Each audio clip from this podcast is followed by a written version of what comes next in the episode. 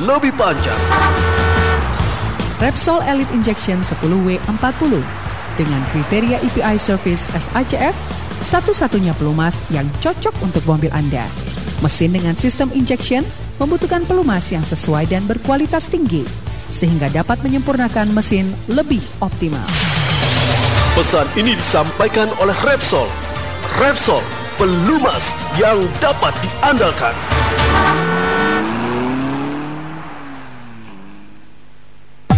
Halo rekan-rekan muda alias teman-teman siswa sejabodetabek. Sebentar lagi kita bakal ngadain acara yang sayang buat dilewatin. KKR Pasca Siswa sejabodetabek bertema Be Different. Pembicara Pendeta Mangapul Sagala. Sabtu 6 Mei 2006 jam 3 sore di Geraha Maspion, Jalan Gunung Sahri Raya Kafling 18 Jakarta Utara. Lokasinya di seberang Mangga 2 Square. KKR Pasca Siswa Sejabodetabek ini didukung oleh pendeta Peter Manuhutu, tarian dan vokal grup gabungan beberapa sekolah, song leader Alex Nanlohi. Tersedia transportasi bis dari berbagai wilayah Jakarta, Depok, Bogor, dan Bekasi. Jangan lupa, KKR Pasca Siswa Sejabodetabek, pembicara Pendeta Mangapul Sagala, Sabtu 6 Mei 2006 jam 3 sore di Gerah Maspion, Jalan Gunung Sari Raya seberang Mangga 2 Square. Informasi hubungi Hardi Perkantas di 021 344 2464, extension 300 dan 303. Informasi hubungi Hardi Perkantas di 021 344 2464, extension 300 dan 303. Acara ini diselenggarakan oleh Perkantas.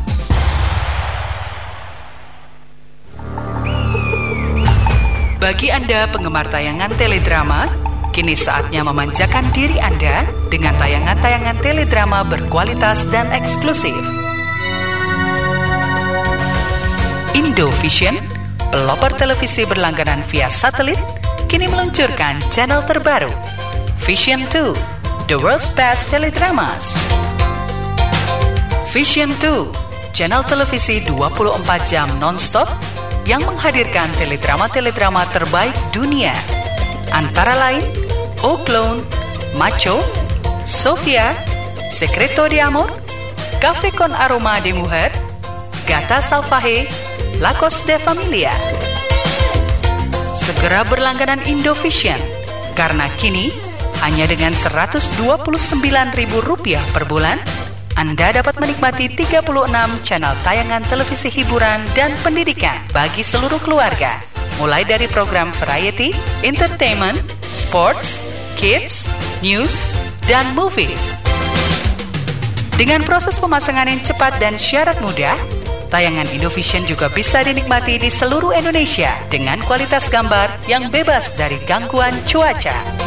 Tunggu apa lagi? Segera hubungi dealer Indovision terdekat di kota Anda atau Agis Electronic Store, Electronic City, Carrefour, Giant, Hypermart, Electronic Solution, Home Centro, atau hubungi sales call center kami di 0807 177 8899.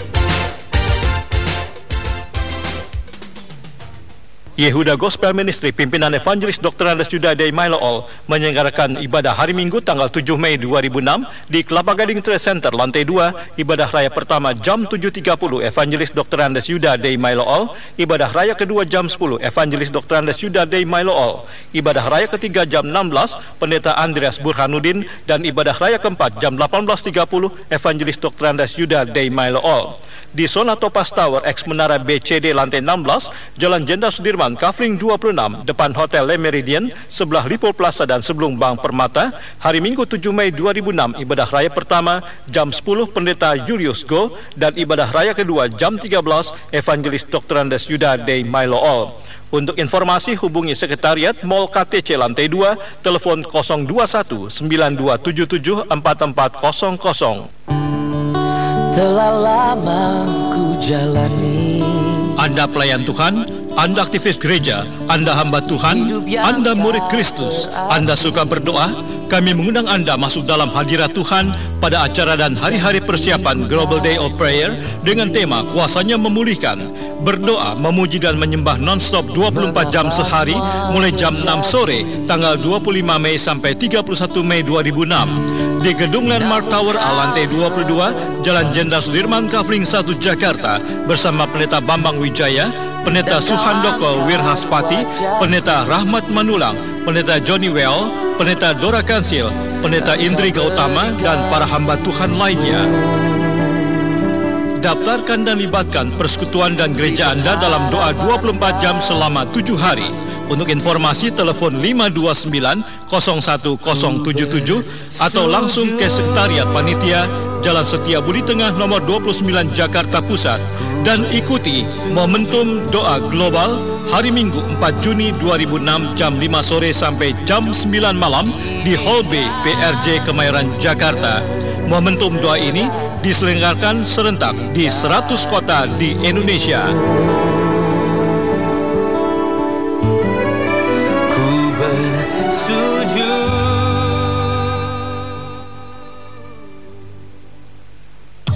Edisi menarik dari majalah Bahana Mei 2006 mempersembahkan tema The Power of Hope mengalami kuasa pengharapan. Berita aktual menarik lainnya, Verlita Bunga Malam jadi terang di lokasi syuting. Tips Jimmy Untoro membangun harapan. Delon, obat jitu usir pita suara kaku. Ada apa dengan Benny Hinn? Keuangan, sikap benar, berkat lancar, investigasi, kesurupan, bikin penasaran.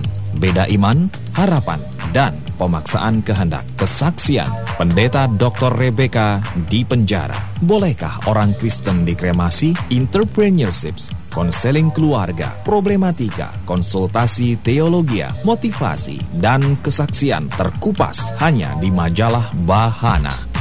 Majalah Bahana dan Renungan Malam bisa Anda dapatkan di toko buku Gramedia, toko buku Gunung Agung, dan toko buku rohani terdekat, serta Colportage Gereja di kota Anda. Anda berminat menjadi agen penjualan majalah Bahana, silakan hubungi 0274 561 881 ekstensi 211. Bahana membangkitkan, mencerahkan, dan mengubahkan. We satisfy your soul thirst and harmonize your life. 96.3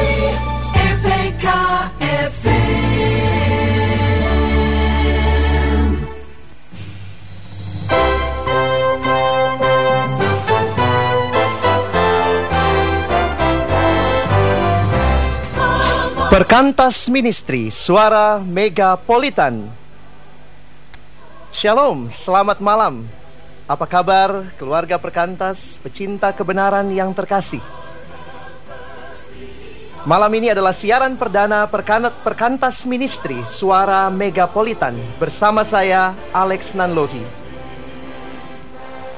Mulai malam ini, setiap Jumat jam 20 sampai jam 21 kami akan mengisi ruang dengar Anda dengan program Perkantas Ministry Suara Megapolitan.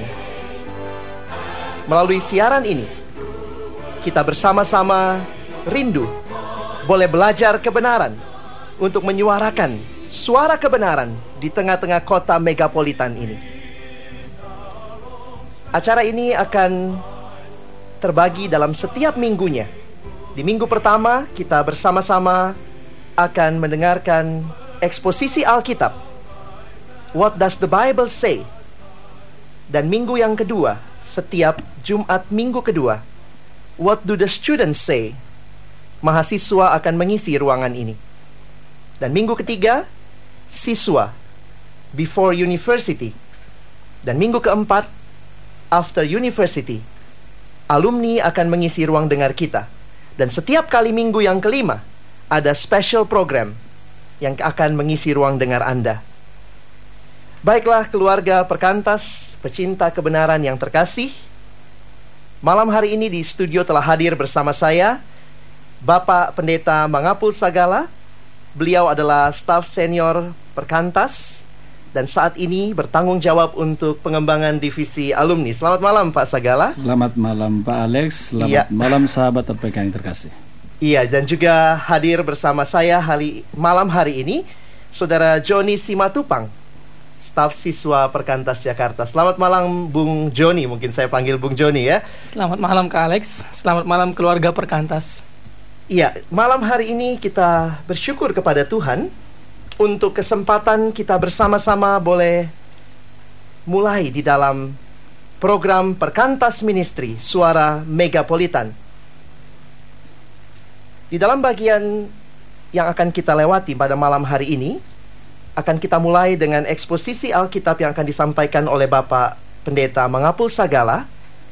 Dan di dalam eksposisi sepanjang tahun ini, kita akan bersama-sama belajar dari kitab Efesus.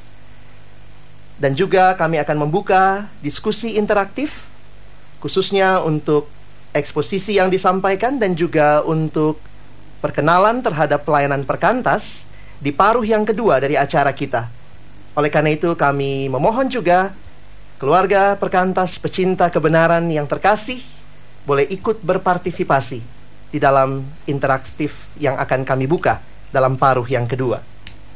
Mengawali acara malam hari ini, kami meminta Bapak Mangapul Sagala untuk menyampaikan eksposisi dari Efesus pasal yang pertama sekaligus membuka di dalam doa. Baik, terima kasih. Kami akan menyapa saudara-saudara pendengar sebagai keluarga perkantas pecinta kebenaran. Baik, keluarga perkantas pecinta kebenaran yang terkasih, mari kita mulai eksposisi ini dengan doa. Jadi ini acara perdana perkantas, langsung masuk eksposisi karena memang perkantas yang didirikan sejak tahun 1971 secara resmi oleh Bapak Insinyur Yonatan Parapak, mantan Sekjen Parpostel, juga Bapak Insinyur Sun Siregar, Insinyur Jimmy Kuswadi, Insinyur James Wong. Sudah 35 tahun perkantas selalu mendasari pelayanannya dengan eksposisi, yaitu melihat apa kata Alkitab sesungguhnya. Dan ini bukan hanya uh, perkantas Jakarta, ini juga merupakan semangat daripada gerakan mahasiswa Injili sedunia yang disebut dengan International Fellowship of Evangelical Student. Ini menjadi ciri khas di mana saja Bible Conference atau persekutuan atau apa saya selalu eksposisi artinya based on the word of God. Mari kita berdoa bersama-sama. Segala puji syukur kami persembahkan kepadamu Ya Allah kami pencipta, penebus dan pengasih kehidupan kami. Kami bersyukur setelah puluhan tahun perkantas berada di Indonesia dan setelah cukup lama didoakan dan digumuli akhirnya malam ini kami boleh hadir untuk bersama-sama bersekutu, belajar bersama melalui udara, melalui radio Pelita Kasih yang Tuhan telah berkati. Bersama dengan keluarga besar Perkantas, siswa mahasiswa alumni serta semua pendukung di mana pun mereka berada. Di awal dari acara perdana ini ya Bapak kami berserah kepadamu supaya minggu demi minggu, bulan demi bulan Tuhan memberkati sehingga banyak anak-anakmu, umat tebusanmu, pecinta kebenaran dibangunkan, diteguhkan imannya melalui program ini. Kami akan membaca dan belajar dari firman-Mu. Bukalah hati dan pikiran kami karena kami mau membuka firman-Mu. Dalam nama Yesus. Amin. Untuk malam ini kita akan membaca firman Tuhan dari Efesus pasal pertama ayatnya yang pertama sampai 14 jadi bagian pertama dari kitab Efesus. Baik bagi Bapak Ibu Saudara sekalian, mungkin sudah siap Alkitabnya. Saya akan membaca buat kita semua. Dari Paulus, Rasul Kristus Yesus oleh kehendak Allah kepada orang-orang kudus di Efesus, orang-orang percaya dalam Kristus Yesus. Anugerah dan damai sejahtera dari Allah, Bapa kita dan dari Tuhan Yesus Kristus menyertai kamu. Terpujilah Allah dan Bapa Tuhan kita Yesus Kristus yang dalam Kristus telah mengaruniakan kepada kita segala berkat rohani di dalam surga. Sebab di dalam dia Allah telah memilih kita sebelum dunia dijadikan, supaya kita kudus dan tidak bercacat di hadapannya. Di dalam kasih, ia telah menentukan kita dari semula oleh Yesus Kristus untuk menjadi anak-anaknya sesuai dengan kerelaan kehendaknya supaya terpujilah kasih karunia-Nya yang mulia yang dikaruniakannya kepada kita di dalam Dia yang dikasihinya. Sebab di dalam Dia dan oleh darahnya kita beroleh penebusan, yaitu pengampunan dosa, menurut kekayaan kasih karunia-Nya yang dilimpahkannya kepada kita dalam segala hikmat dan pengertian. Sebab Dia telah menyatakan rahasia kehendaknya kepada kita, sesuai dengan rencana kerelaannya yaitu rencana kerelaan yang dari semula telah ditetapkannya di dalam Kristus. Sebagai persiapan kegenapan waktu untuk mempersatukan dalam Kristus sebagai kepala segala sesuatu, baik yang di surga maupun yang di bumi. Aku katakan di dalam Kristus, karena di dalam dialah kami mendapat bagian yang dijanjikan. Kami yang dari semula ditentukan untuk menerima bagian itu sesuai dengan maksud Allah, yang di dalam segala sesuatu bekerja menurut keputusan kehendaknya. Ayat 12. Supaya kami yang sebelumnya telah menaruh harapan pada Kristus boleh menjadi puji-pujian bagi kemuliaannya. Di dalam dia kamu juga. Karena kamu telah mendengar firman kebenaran itu Injil keselamatanmu di dalam dia kamu juga ketika kamu percaya telah dimeteraikan dengan Roh Kudus yang dijanjikannya itu. Dan Roh Kudus itu adalah jaminan bagian kita sampai kita memperoleh seluruhnya yaitu penebusan yang menjadikan kita milik Allah untuk memuji kemuliaannya. Demikian firman Tuhan. Keluarga berkantas, pecinta kebenaran yang terkasih, ketika saya masih mahasiswa, ada seorang anak Tuhan yang ketika melihat hasil ujiannya diumumkan di dinding, ternyata dia gagal. Setelah dia melihat hasil ujiannya, dia berjalan dan seorang temannya yang bukan Kristen rupanya mengamati dia. Dan terjadilah percakapan. Satu pertanyaan yang diberikan adalah apakah anak Tuhan tadi itu lulus?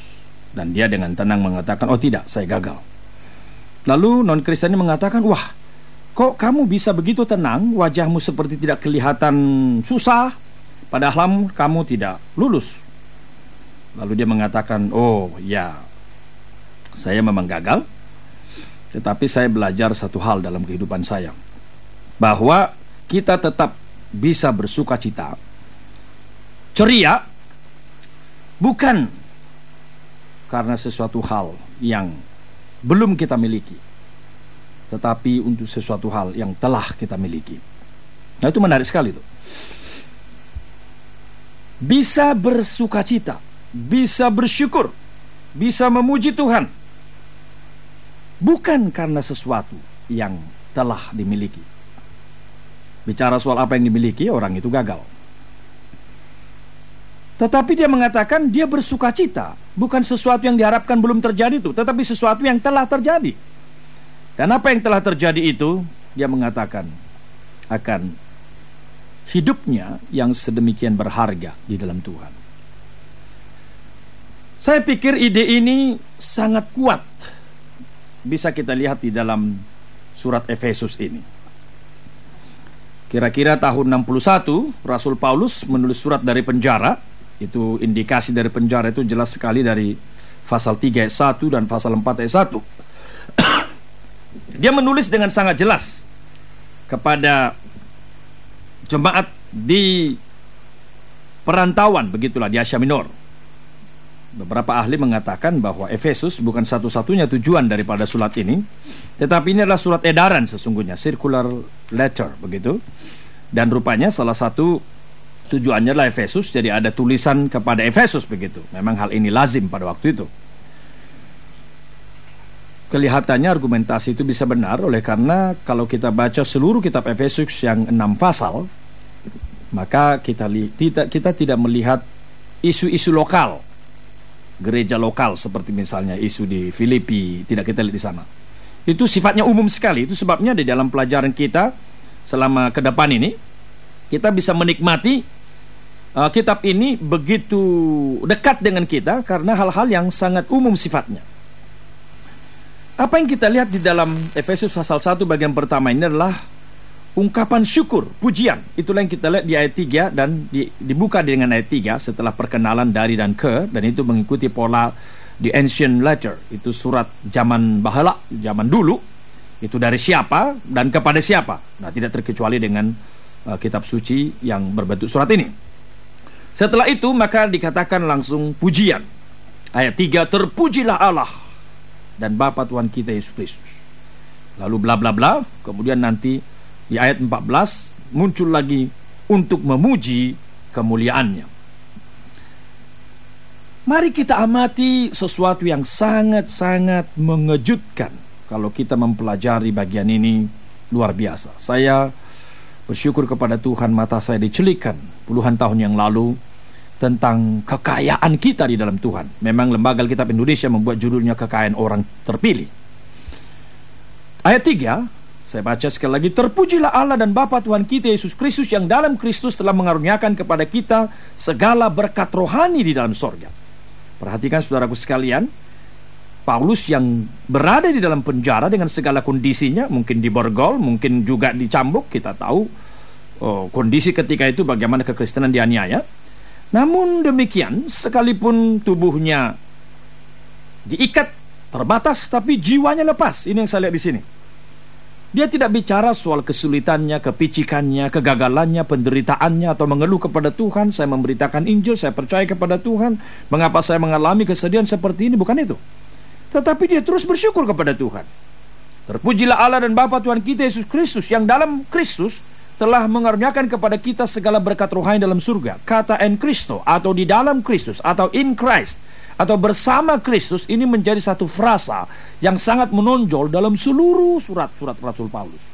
Sebenarnya ini menjadi kata kunci. Artinya manusia hanya dibagi dua, di dalam Kristus atau di luar Kristus. Artinya masuk ke dalam wilayah kekuasaan Kristus atau belum. Jadi kalau Martin Luther mengangkat justification by faith, itu hanya bagian bagian dari dalam Kristus itu. Tetapi teologi besar Paulus sebenarnya bukan pembenaran karena iman, tetapi menurut saya kita bisa melihat Paulus membuat manusia itu di dalam dua wilayah, di dalam Kristus atau di luar Kristus. Nah dia berkata di sini, karena di dalam Kristus telah mengaruniakan kepada kita segala berkat rohani dalam surga. Nah apa itu saudaraku sekalian? Perhatikan baik-baik, dengar baik-baik yang tidak punya Alkitab berkat rohani yang luar biasa yang telah dialami itu dan empat hal yang mau kita sebut di di bawah semua bersifat uh, telah telah telah telah. Di dalam bahasa Yunani dia dalam aorist tense namanya bagi anda yang belajar bahasa Yunani. Yang pertama adalah berkat rohani dalam surga yang perlu disyukuri bagi setiap orang yang percaya kepada Tuhan di dalam Tuhan beriman kepada salib Yesus beriman kepada kebangkitan Yesus adalah itu ayat 4. Di dalam dia Allah telah memilih kita sebelum dunia dijadikan. Telah memilih kita sebelum dunia dijadikan. Ayat 4. Itulah kata yang sangat penting kita perhatikan. Bahwa saudara dan seorang berdosa yang beriman kepada Tuhan, mari kita ingat. Bukan karena saudara memilih Yesus lebih dahulu. Tetapi seperti Yohanes berkata, Sebelum engkau memilih aku, aku telah memilih engkau. Nah kata extelesato atau memilih itu berarti Tuhan telah mengenal kita. Tuhan telah bersekutu dengan kita. Wah ini memang susah dimengerti barangkali ya. Bagaimana bisa dikatakan saya belum ada, saya belum lahir bahkan kok Tuhan bisa mengenal dan bersekutu dengan saya. Tapi ya itulah. Itu hal yang saya pelajari dari kata ini. Bahwa Allah telah memilih kita, Allah telah menikmati bersekutuan dengan kita saya mencoba memahami uh, makna kata di sini dengan satu uh, paralel kesejajaran. Bayangkan seorang arsitektur yang sangat hebat dan dia itu sebelum membuat satu uh, grand mall begitu, mall besar yang indah, yang megah, yang merupakan kesukaan dia, dia sudah bikin marketnya dulu, gambarnya, bentuknya, depannya, belakangnya, atapnya, ruang-ruang kecilnya dan sebelum satu batu bata pun ada di tempatnya, maka sang arsitektur sudah mengenal, sudah mengasihi, menikmati, para mungkin disentuhnya bagian sana sini, mungkin diciumnya dan seterusnya. Saya mencoba kira-kira begitulah bayangan yang barangkali meskipun tidak persis benar.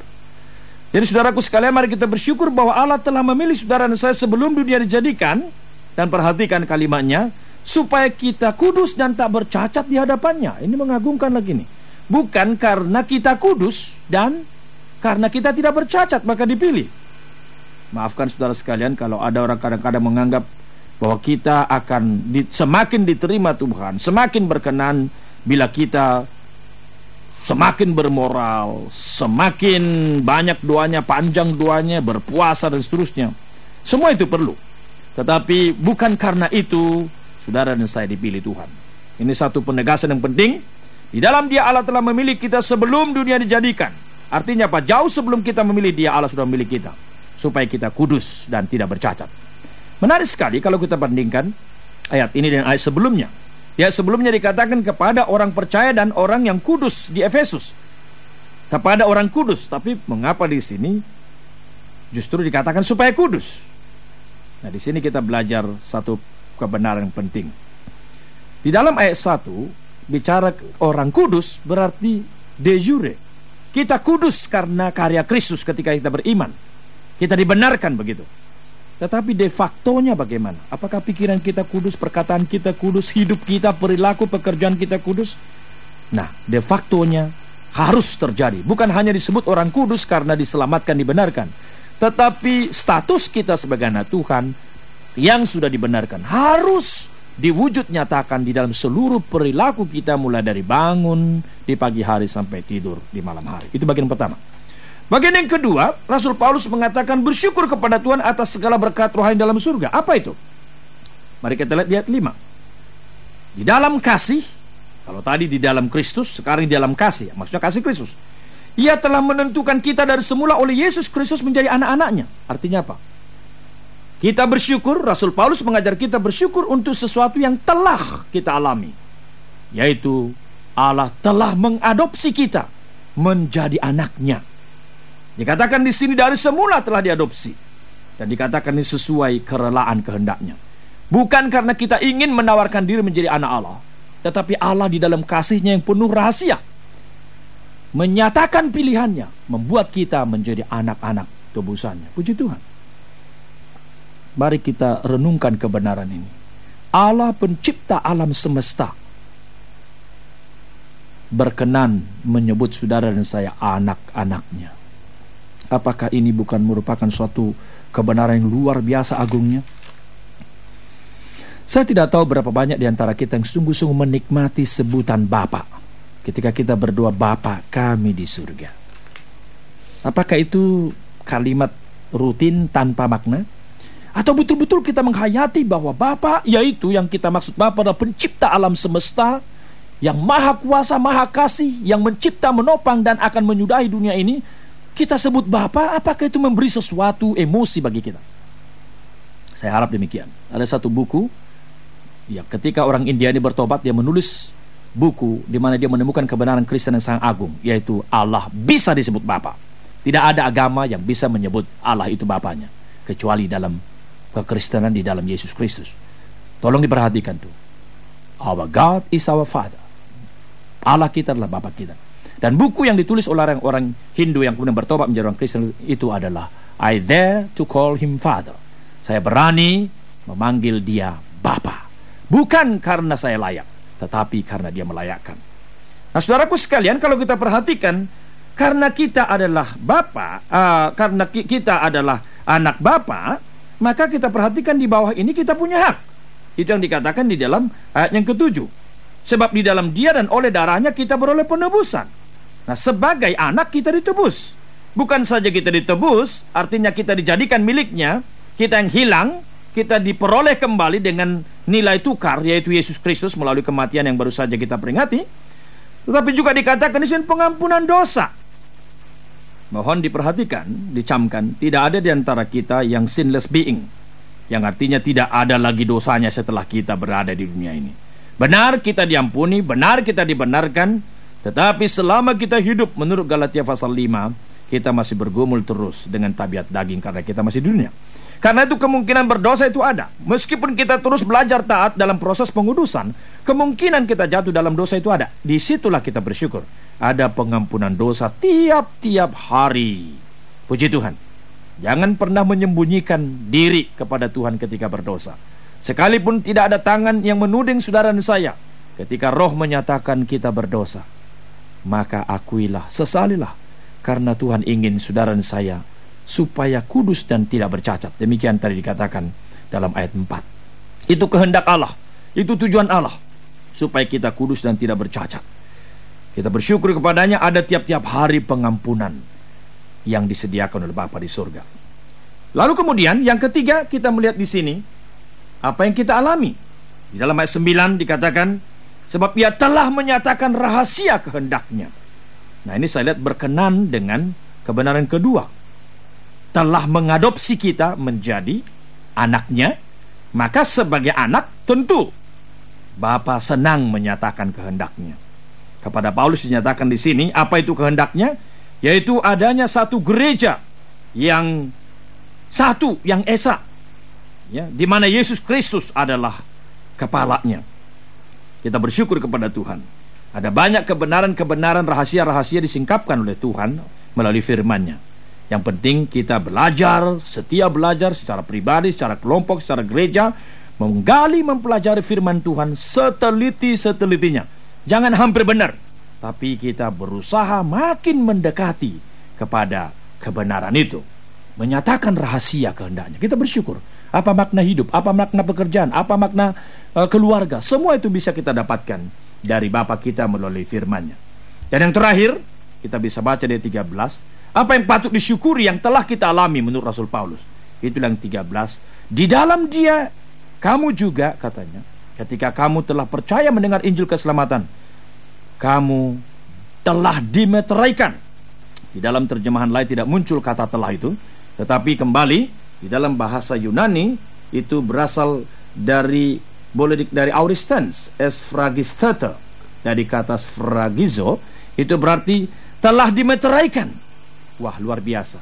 Saudara telah dipilih Saudara dan saya juga telah diadopsi menjadi anaknya Saudara dan saya telah dinyatakan rahasia kehendaknya Dan juga bukan hanya itu Dimeteraikan Dengan meterai Allah Yang tidak mungkin apa pun bisa menggagalkan Itulah sebabnya Efesus 4 ayat 30 berkata Jangan dukakan Allah Jangan dukakan roh kudus Allah yang telah memeteraikan kamu menjelang hari penyelamatan. Itu Efesus pasal 4 ayat 30. Jangan menduk kamu mendukakan Roh Kudus Allah yang telah memeteraikan kamu menjelang hari penyelamatan. Saudara apa yang mau saya katakan di sini? Keselamatan saudara dan saya pasti. Jangan biarkan imanmu yang teguh kepada Kristus digoncangkan oleh siapa pun, oleh pengkhotbah dari mana pun, oleh ajaran filsafat dari mana pun. Pegang teguh firman Tuhan, saudara saya sudah dipilih sebelum dunia dijadikan bukan karena kudus, tetapi supaya kudus. Sudah diadopsi jadi anaknya, dinyatakan rahasia dan dimeteraikan oleh meterai surgawi. Terpujilah Tuhan, kiranya kita, saudara, saya, kita bersama-sama sungguh menikmati kedalaman empat hal yang telah kita alami ketika kita percaya kepada Yesus Kristus. Amin. Puji Tuhan. Terima kasih kepada Bapak Pendeta Mengapul Segala. Keluarga Perkantas pecinta kebenaran masih di dalam acara Perkantas Ministry Suara Megapolitan. Setelah ini kami akan membuka interaktif bagi kita sekalian melalui SMS. Saudara bisa mengirimkan SMS ke nomor 0813 143 43757. Sekali lagi 0813 143 43757 dan juga melalui telepon 8444 dan untuk tiga penanya pertama yang akan melalui telepon ada hadiah yang disiapkan dari buku petunjuk praktis menggali Alkitab karangan Bapak Mangapul Sagala. Kami akan membuka line telepon setelah pujian berikut ini.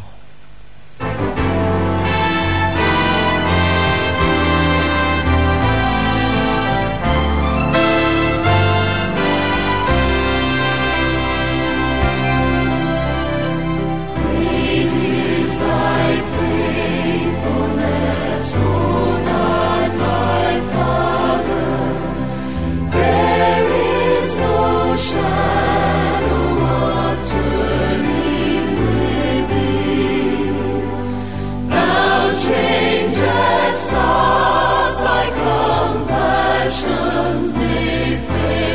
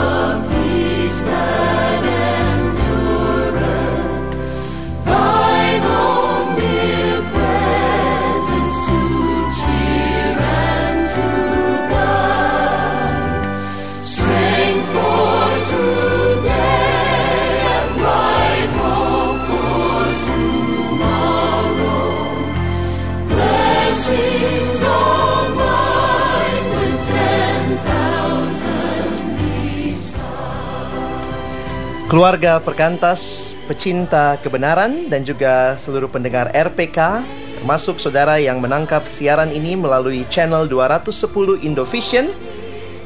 Kita boleh kembali bersyukur untuk program ini Perkantas Ministry Suara Megapolitan. Dan sudah ada SMS yang masuk. Kita akan uh, sama-sama melihat dari 081110344 sekian sekian dari saudara Endro dalam berjuang melawan daging saya beberapa kali gagal. Bagaimana supaya menang terus? Mungkin Bapak segala Baik. ingin menyampaikan Ya, menjawab terima- pertanyaan terima ini? kasih untuk uh, Bapak atau Saudara Endro. Uh, ini pertanyaan yang sangat uh, nyata ya, konkret, real ya. Saya pikir ini perjuangan kita semua dan kalau dibaca dalam Efesus itu juga perjuangan yang harus dihadapi. Lah bagaimana supaya menang terus? Ya, kalau sudah hidup di dalam Kristus seperti tadi Efesus 1, maka Alkitab berkata biarlah kita terus-menerus dipenuhi dan dikendalikan oleh Roh Kudus. Ah, nanti bisa dibaca di dalam Galatia pasal 5 di dalam ayatnya eh, secara khusus ayat 25 jika kita hidup oleh roh baiklah hidup kita juga dipimpin oleh roh. Jadi ketika kita eh, Pak Pak Endro saudara Endro benar-benar sudah di dalam Yesus dan berserahlah tiap-tiap hari kepada Roh Kudus karena buah roh adalah kemenangan itu menang atas Iya. kedagingan ya. Jadi itulah juga yang saya pelajari yang kami bersama-sama pelajari mungkin Bung Joni ingin menambahkan dari pengalaman pribadi ketika mungkin mengalami kegagalan apa sih yang dilakukan Memang rasanya tidak begitu uh, mudah ya Kak Alex ya, saudara Endro atau Bapak Endro dalam menghadapi daging. Tetapi pengalaman saya selama waktu saya mahasiswa atau juga setelah saya lulus dan bergumul dengan daging, hal yang membuat saya bisa menang itu apabila saya sadar bahwa daging itu tidak akan bisa uh, akan kalah kalau saya bersandar sepenuhnya kepada Tuhan. Ketika ada godaan untuk jatuh dalam dosa, di sanalah saya belajar untuk menyerahkan diri sepenuhnya kepada Tuhan di dalam doa. Mungkin begitu yang saya bisa sharingkan secara singkat kepada saudara Andrew. Ya, eh, sudah ada penelpon di ujung sana. Kita menyapa Ibu Edi Purba. Selamat malam, Ibu Edi Purba. Bisa langsung? Halo. Iya, selamat malam Selamat Ibu. malam, salam Pak. Shalom. Horas. Horas. Horas. Horas. Iya Pak, ini Nyonya Purba Buru Saragi Pak. Oh, Buru Saragi, iya. Ibunya Devi. Oh iya iya. Saya sungguh Oh. mengagumi tadi dengan firman yang telah Bapak bawakan tadi dari surat Oh, uh, Paulus ke Efesus Pak. Ya, puji Jadi yang saya minta tadi kan ada yang empat poin tadi yang telah dipilih, Betul. diadopsi, Diadopsi. dinyatakan rahasia dan Ya. dimeteraikan. Dimeteraikan. Wah, hafal ya, Bu ya. Terima kasih. Saya di sini juga ingin juga begitu besarnya kasih Tuhan telah memelihara memberikan satu satu kepercayaan bagi kita umatnya. Jadi saya menginginkan ini Pak, bagaimana yang saya pertanyakan sekarang, bagaimana kita untuk memperjuangkan ini? Terlebih apa, Bu? tidak mendukakan hati Roh Kudus, Pak. Ya. Bagaimana untuk ja- untuk memperjuangkan ini, Pak? Iya, iya, iya. terima kasih. Halo? Iya. Iya, Pak. Terima kasih Ibu Iya. Purba mendapatkan petunjuk praktis menggali Alkitab karangan Bapak Mengapul Sagala. Tolong nanti Ibu bisa mengontak untuk memberikan alamat lengkapnya. Terima kasih silakan Pak Sagala untuk menyampaikan jawaban mungkin dari pertanyaan Ibu. Sebenarnya pertanyaan Ibu ini sama dengan SMS daripada Saudara Endro tadi. Iya. Kalau tadi gagal digunakan istilah gagal terus em, tidak menikmati kemenangan terus. Mhm. Nah di sini dituliskan akibatnya yaitu eh, mendukakan Roh Kudus. Jadi jawaban saya sama Ibu. Kita belajar tiap-tiap hari berserah tiap-tiap hari kepada Roh Kudus dan firman-Nya. Ya. Ya, kalau kita Mhm. terus belajar ada satu lagu yang mengatakan peganglah tanganku Roh, Kudus setiap, setiap hari, hari. begitu Ya. ya. Itu hasilnya perlahan-lahan akan kita lihat hari demi hari, minggu demi minggu, bulan demi bulan, kita akan menjadi saksi pertama melihat Hmm. bagaimana dahsyatnya pekerjaan Roh Kudus dan firman di dalam diri kita. Kalau kita bersandar dari diri kita sendiri, pasti gagal. Itulah Galatia 5 Iya. 19 sampai 21 buah daging semuanya muncul. Tapi Mhm. ketika kita berserah kepada Roh Allah, kepada firman, jadi jangan lupa saat teduh, jangan lupa memelihara hidup terus Iya. dengan Roh Tuhan. Itulah rahasia hidup baru. Taat, Pak, ya? Ya, Iya. taat terus berserah. Baik, terima kasih. Eh, selanjutnya mungkin masih ada SMS yang masuk. Nah, nampaknya belum ada atau mungkin ada penelpon yang saat ini kami tetap membuka di 8444. Sambil menunggu penelpon yang masuk, mungkin kita sedikit boleh bicara tentang pelayanan perkantas. Mungkin Bung Joni sedikit ingin membagikan ada apa saja sih di perkantas. Eh, perkantas singkatan dari Persekutuan Kristen Antar Universitas. Iya. Perkantas itu memiliki keunikan pelayanan perkantas seperti student movement, gerakan mahasiswa, gerakan siswa, gerakan alumni, interdenominational movement, gerakan interdenominasi artinya tidak dibatasi oleh hanya satu eh, aja aliran. Tetapi yang terutama Bible and Prayer Movement. Perkantas didasarkan kepada pelayanan firman dan doa. Discipleship Movement, pelayanan pemuritan, gerakan pemuritan, Oke. evangelism dan mission movement. Baik, terima kasih Bung Joni. Kita menyapa dulu ada Bung Apul Saragi di Wah, Ciledug. shalom. Selamat malam Bung Apul. Selamat malam. Ini Iya. saya mau menanyakan, kita ke kalau seperti silakan. saya saya ini kita udah mengakui Yesus. Iya. Itu saya masih dalam kehidupan kedagingan, perselisihan, dendam segala Iya. macam. Itu bagaimana mengatasinya? Dan sekian dan Oke. terima kasih Pak Pendeta. Selamat Ya. malam. Selamat malam, terima kasih Bung Apul. Ya, jadi pertanyaannya sama ya dengan yang dua penanya tadi dan itu seperti saya katakan itu pergumulan kita bersama. Ya, itu seumur hidup Pak ya. Ya, kedagingan itu hanya bisa dikalahkan dengan penyerahan terus-menerus Iya. kepada Roh Kudus dan firman-Nya. Makanya tadi saya baca Galatia pasal 5 khususnya 1921 ada buah daging kalau kita hidup dalam daging, ada buah roh kalau kita hidup oleh roh. Ayat 22 23. Maka Iya. dikatakan 25 jikalau kita hidup oleh roh, baiklah hidup kita juga dipimpin roh. Apa artinya hidup oleh roh? Kita berserah kepada firman saat teduh, tiap-tiap hari pikiran hati kita serahkan kepada roh Tuhan begitu ya. Jadi jika demikian ya kita akan menghasilkan buahnya. Ada barangkali satu kisah yang menarik ya. Iya. Ada katanya orang di Mexico City itu yang Mhm. suka melaga anjing. Oke. Ya, dan itu jadi taruhan. Ada anjing Hmm. putih, ada anjing hitam. Anjing hitam. Nah, eh, tidak bisa dipastikan anjing mana yang menang. Iya. Tetapi tentu dong bandarnya pemilik anjing pasti menang. Mas tuh ada yang menang biar Nah, ada itu yang- dia. Iya, taruhan. Hmm, dia taruhan. Nah, ada pengamat mengamati dan karena itu Mhm. setelah semua orang pergi dia tanya, apa ra- rahasianya? Iya. Sehingga bisa dipastikannya dia memegang menang. Sepertinya dia, dia bisa atur lah yang mana yang menang. Mhm. Lalu dia berkata, oh gampang katanya. Kalau orang memegang anjing hitam, saya pegang anjing putih, maka caranya dia bilang apa? Saya bikin lapar itu anjing hitam, Iya. mulai dari sekarang sampai ke seminggu yang akan datang. Iya. Karena orang memegang anjing hitam. Sedangkan anjing putih saya rawat, saya kasih mandi, saya kasih makan sehingga dia Ah, sehat, dia iya, seger iya, begitu. iya. Sehingga waktu bertarung, ya yang satu lemes, yang satu kuat. Sudah jelas siapa Sudah jelas. menang. Jadi begitu juga dengan diri Iya, kita. iya. Kalau kita merawat kerohanian kita, Mhm. ya. Kadang-kadang kan kita nggak nggak makan satu hari aja ributnya bukan main. Tapi kalau kita nggak baca Alkitab, nggak makan rohani, kok biasa aja. Iya, rasanya kok sebulan. biasa aja Nah, kita gitu. bisa membayangkan hidup seperti apa Iya, yang kita iya. produksi. Nah, jadi begitu uh, kepada uh, Bung Apul tadi. Terima kasih. Ya, terima kasih Bung Apul juga mendapatkan buku petunjuk praktis menggali Alkitab. Penelpon kedua pada malam hari ini masih ada satu buku yang tersisa untuk penelpon ketiga jika ada petunjuk praktis menggali Alkitab karangan dari Bapak Mangapul Sagala. Iya, masih ada SMS yang masuk mungkin atau malam hari ini ada penelpon juga.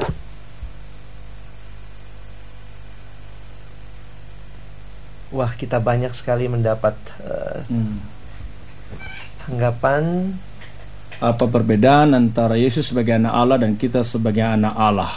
Iya. Ya dari 0813 16 sekian sekian. Ya. Apakah orang sudah dipilih Allah kan ada yang hilang? Joel. Ah, ya. Saudara Joel, kalau saya menjawab, posisi saya orang yang sudah dipilih Allah, Mhm. yang diselamatkan, tidak akan pernah hilang. Itu posisi Hmm. saya. Saya mengerti ada rekan-rekan saya yang mem- memegang doktrin bahwa orang setelah percaya kalau dia tidak berpegang teguh sampai akhir dia bisa hilang. Hmm, Tapi iya. saya tidak menganut itu karena apa? Saya memulai keselamatan dari pemilihan Allah, kedaulatan Allah bahwa Ah. dia yang telah memilih, dia berkuasa memelihara apa yang telah kita percayakan kepada Allah, sampai ya. akhir zaman. Iya, begitu iya. ya. Ke Yesus sebagai anak Allah dan kita sebagai anak Allah. Oh tentu beda. Yesus sebagai anak Allah itu adalah anak asli, ya, Uh, same nature. Kita ini Ya, apanya anak dong, tunggal. Pak? Nah kita ini anak angkat, anak adopsi Oke, tadi. Tapi iya. menarik sekali. Waktu Paulus menulis surat ini dalam Hmm. hukum Romawi, di dalam hukum Romawi anak asli, anak kandung sama anak adopsi haknya Hmm. sama. Mhm. Itulah sebabnya tadi di sini juga kita bicara soal hak. Di dalam Roma pasal 8 juga ada Iya. hak kita sebagai anak-anak Tuhan. Jadi kita bersyukur Hmm. untuk itu. Ya, terima kasih. Eh, ada SMS tadi dari Pak Guru ya. Ada Pak Peter, guru di Depok. Dari 0815113557 sekian sekian sekian. Malam Pak, saya mau tanya apa saja programnya? Wah, ini maksudnya perkantasnya tentunya ya. Di mana pusatnya? Apa yang bukan mahasiswa boleh bergabung? Ya, gimana ini? Mungkin Bung Joni bisa berikan tanggapan? Program pelayanan perkantas ada banyak, Pak. Ada persekutuan mahasiswa.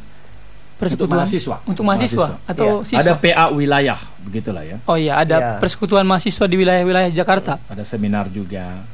Bisa dikontak di ke Oh iya, eh, untuk eh, ada nomor informasi di luar program ini untuk keluarga perkantas pecinta kebenaran boleh mengontak kami untuk informasi kegiatan di 08 ini SMS ya 08 11 919 296 atau bisa mengakses kepada website kami di www.perkantasjkt.org. Ada masuk itu telepon. Oke, Eh, kita menyapa dulu untuk penelepon ada Bung Albiner di Serpong. Selamat juga Bung Albiner mendapat satu buku petunjuk praktis menggali Alkitab. Silakan Bung Albiner. Ya, selamat malam. Selamat malam. Malam. Iya, yang pertama-tama mungkin saya berterima kasih buat pelayanan perkantos. Di- Ini perdana Pak ya? Iya betul. Betul Pak. Pak. Tolong dukung terus Pak ya. Iya, didukung terus karena memang suara kebenaran yang benar-benar gitu ya, itu penting Pak. Eh, Pak Albiner bisa sedikit lebih keras lagi suaranya Pak? Iya. Ya, terima kasih.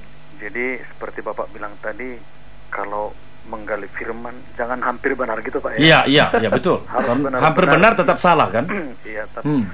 Iya Pak, itu kerinduan. Saya pikir ada banyak orang yang merindukan hal itu, termasuk saya sendiri. Hmm. Begitu Pak. Nah, saya pikir itu yang pertama, yang saya mendukung hal itu. Iya, yang iya. kedua pertanyaan saya begini Pak. Ya. Eh, boleh tanya Pak ya? Boleh, boleh, boleh. Silakan, silakan Pak. Kira-kira di mana kita bisa membuktikan Pak bahwa surat Rasul Paulus ini surat edaran dan bukan satu-satunya tujuannya Efesus begitu. Ah, oke. Itu Ya. saja mungkin Ya. pertanyaan saya. Ya. Tuhan Yesus memberkati Pak. Iya. Ya, terima kasih Pak Albiner sekali Ya. lagi mendapatkan buku petunjuk praktis menggali Alkitab Kirim ya. alamatnya ya ke Iya, nanti kita kirimkan. Baik Pak. Mangapul, Jadi silakan. seperti saya katakan tadi Pak, jadi kalau dikatakan buktinya, ya kita punya buktinya kalau kita belajar teologi itu ada namanya teks-teks begitu ya, analisa teks begitu. Dan di sana baik banyak bermain para ahli yang sungguh-sungguh setia kepada Tuhan. Jadi kita tidak percaya kepada ahli yang asal ahli tapi tidak mengasihi Tuhan dan firman-Nya.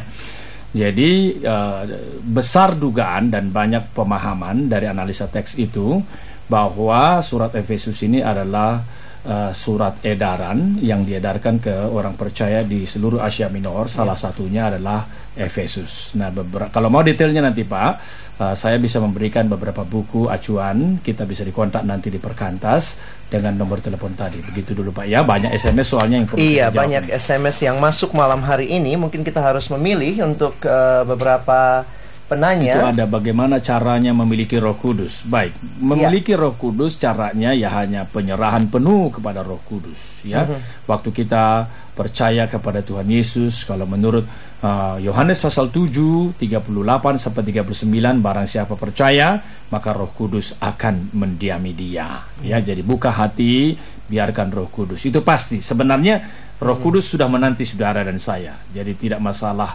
uh, bagaimana cara, tapi lebih kepada penyerahan. Itu ada lagi apa itu? 0818211 itu dari Bekasi. siapa itu? Dari eh, Renti, Renti di Bekasi. Bekasi. Saudari Renti di Bekasi bertanya dunia orang muda adalah dunia yang rentan dengan godaan. Bagaimana caranya bisa hidup kudus tapi nggak basi maksudnya gitu ya, tidak Oke. jadi Basi aneh gitu ya aneh di mata dunia. Gimana sih cara menang dari intimidasi masa lalu? Apa sih namanya visi hidup? Bagaimana caranya punya visi hidup? Apa arti visi hidup yang dari Tuhan? Wah, ini Wah, pertanyaannya pertanyaan nyambung. banyak ini. Ini bisa satu seminar nih. kita doakan saja kita visi. bisa bikin seminar di kelola berkantas nanti mengenai eh, keselamatan dan hidup baru ya. Iya, ini ini menarik Itu sekali malam seminar hari ini. Malam hari ini banyak sekali yang bertanya bagaimana So, menang, menang. terhadap dosa ya. Eh, mungkin keluarga perkantas pecinta kebenaran tidak semua yang kami bisa bahas malam hari ini karena waktu juga sudah sangat sempit.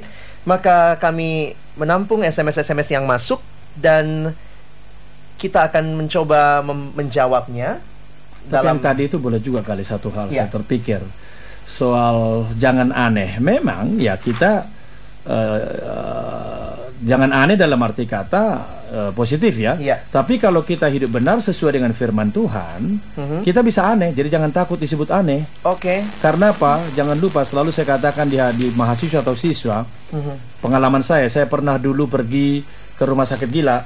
Mhm. Dan karena ada di sana anggota jemaat begitu. Iya, iya. Nah, waktu saya masuk, wah, dia mentertawakan saya. Oh, saya ciut sekali sampai kemudian saya pikir, oh, Siapa oh, yang gila? Oh, siapa yang gila begitu. Pasal pertanyaannya gak basi. Itu adalah pelajaran. Ya, jadi jadi saya kira sih bukan masalah basi atau tidak Oh, basi. iya. Tapi memang bersedia tampil beda. Seperti besok KKR siswa, Iya, KKR kita Be besok. different. Be Harus different. berani beda. Wah, Tapi ini memang jadi sekalian jangan ya aneh. untuk eh, adik-adik siswa dan juga mahasiswa saya pikir boleh hadir gitu ya. Mahasiswa hadir di dalam kebaktian kebangunan rohani pada waktu 6 Mei besok, Besok, dalam rangka jam Paskah juga. 3 dalam rangka Paskah. Kebaktian akan dipimpin oleh Bapak Pendeta Mangapul Sagala. Ini KKR bersama-sama di Grahama Spion. Di mana ya, itu? Alamat? Grahama Spion itu tempatnya di sini dalam Jalan Gunung Sari Raya, Kafling 18 Jakarta Utara. Ini Grahama Spion lantai 3A. Ya, jadi kami menantikan juga kehadiran keluarga perkantas pecinta kebenaran di tempat itu. Banyak SMS yang belum bisa kami balas Ya, mohon pada maaf, malam hari ini, belum bisa dijawab, tapi kami membuka kesempatan melalui email di perkantas underscore suara megapolitan at yahoo.com Sekali lagi perkantas underscore suara megapolitan at yahoo.com Kami mengundang keluarga perkantas pecinta kebenaran untuk boleh menghubungi kami dan kami akan berusaha menjawab setiap email yang masuk dan juga untuk dapat mengetahui informasi lebih lanjut tentang kegiatan di Perkantas bisa mengakses ke 0811 melalui SMS 0811919296 atau bisa dilihat di website www.perkantasjkt.org dan juga ada tambahan dari Bapak Pendeta Mangapul Sagala ada website www.mangapulsagala.com Satu kata ya satu. Iya, satu kata, mangapulsagala.com. Saudara bisa menemukan materi-materi pembinaan yang baik yang juga membawa kita dalam iman yang semakin bertumbuh. Kita sampai di penghujung acara kita, Perkantas Ministry Suara Megapolitan. Dan pastikan Anda kembali bersama dengan kami dan juga dalam program yang sama minggu depan hari Jumat jam 20 sampai 21 hanya di Radio Pelita Kasih dan juga bagi saudara yang dapat mengakses via channel 210 Indovision kami menunggu tanggapan Anda baik melalui email, SMS dan akhirnya Setiap Jumat ya. Ya, setiap Jumat. Ya, akhirnya saya Alex Nanlohi undur diri dari ruang dengar Anda dan sebelumnya saya minta saudara Joni untuk menutup siaran perdana kita di dalam doa sebelum kita berpisah. Sahabat LPK mari kita berdoa. Bapa di sorga kami sungguh bersyukur karena Engkau telah memilih kami. Engkau telah menentukan kami menjadi anak-anakmu. Engkau telah menyatakan rahasia kehendakmu kepada kami dan Engkau telah memeteraikan kami dalam roh kudus. Kami bersyukur ketika kami hidup bergantung sepenuhnya di dalam kuasa roh kudus. kami bisa berju melawan daging, kami bisa menang atas dosa, kami bisa memiliki kuasa yang berasal dari Allah. Tolonglah kami ya Tuhan, untuk tiap-tiap hari boleh taat kepada firman-Mu, berserah diri kepadamu, bersandar kepadamu ya Tuhan. Melalui penyerahan diri itu, kami sungguh hidup di dalam Tuhan. Kami bisa tampil beda di tengah-tengah masyarakat atau di tengah-tengah orang-orang yang tidak mengenal Tuhan, yang hidupnya bobrok dan sesat kami boleh terus menyatakan kebenaran. Kami sungguh bersyukur untuk firman-Mu pada malam hari ini yang telah disampaikan hamba-Mu Bapak menghapus segala. Berkatilah pelayanan beliau juga untuk waktu-waktu ke depan dan juga setiap kami yang telah mendengarkan firman-Mu ini boleh menerapkan dalam kehidupan kami sehari-hari. Terima kasih Tuhan Engkau telah menyertai siaran ini. Dalam Kristus Yesus kami berdoa dan bersyukur. Amin. Amin. Shalom. Setelah sukses dengan Symphony Award pertama, kembali kami adakan Symphony Praise Award kedua, ajang lomba nyanyi lagu rohani bagi Anda umat Kristiani. Kategori yang diperlombakan, kategori anak usia 6 hingga 11 tahun, remaja 12 hingga 17 tahun, dan dewasa 18 hingga 30 tahun dengan hadiah yang menarik berupa trofi, beasiswa, hadiah sponsor, dan rekaman album rohani. Audisi diadakan mulai tanggal 1 Mei hingga 8 Mei 2006 bertempat di Sekolah Musik DMC, KTC Hypermart lantai 1, Blok B nomor 101, Jalan Boulevard Barat Raya, Kelapa Gading, Jakarta Utara. Untuk informasi dan pendaftaran, hubungi Sekolah Musik DMC dengan nomor 458 58836 dan 709-88297 pada jam dan hari kerja. Ayo, jangan buang kesempatan berharga ini. Segera daftarkan diri Anda. Nikmati pujian dari Leci Sampingan dalam album Hari Terakhir, produksi Rema Records. Leci Sampingan mempersembahkan album ini bagi kita semua untuk kemuliaan nama Tuhan dalam lagu Hari Terakhir. saatnya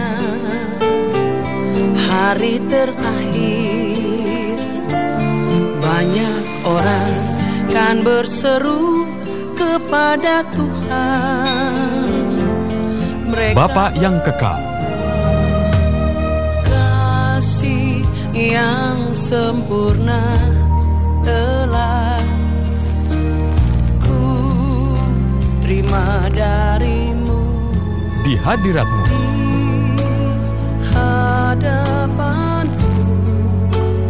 ku bersujud dan menyembah dapatkan segera kaset dan CD-nya di toko-toko terdekat di kota Anda.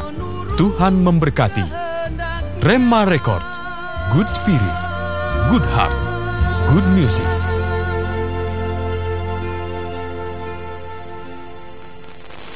GBI Jemaat Interkon mengundang Anda menikmati hadirat Tuhan dalam ibadah perdana yang diadakan oleh GBI Interkon pada hari Minggu 7 Mei 2006 pukul 8 pagi waktu Indonesia Barat bertempat di Komplek Interkon Plaza, Blok G lantai 4, Taman Kebon Jeruk, Jalan Meruya Ili Raya, Jakarta Barat. Pembicara PDP Dr. Yanto Simko Putra MD dengan tema Kesaksian Hidup Sebelum dan Sesudah Mengenal Tuhan Yesus. Diberitahukan juga untuk ibadah pagi yang diadakan pada pukul 10 pagi berubah menjadi 10.15. Sementara ibadah sore pada pukul 16.30 tidak berubah. Tuhan Yesus memberkati.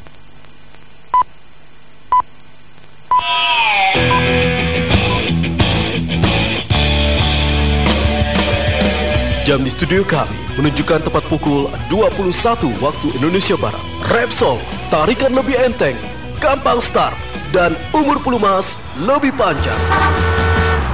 Repsol Elite Multivalvulas 10W40 pelumas berkualitas tinggi dan dirancang untuk melindungi kendaraan berbahan bakar bensin khususnya untuk multi katup. Tersedia dalam kemasan 1 liter dan 4 liter. Pesan ini disampaikan oleh Repsol. Repsol, pelumas yang dapat diandalkan.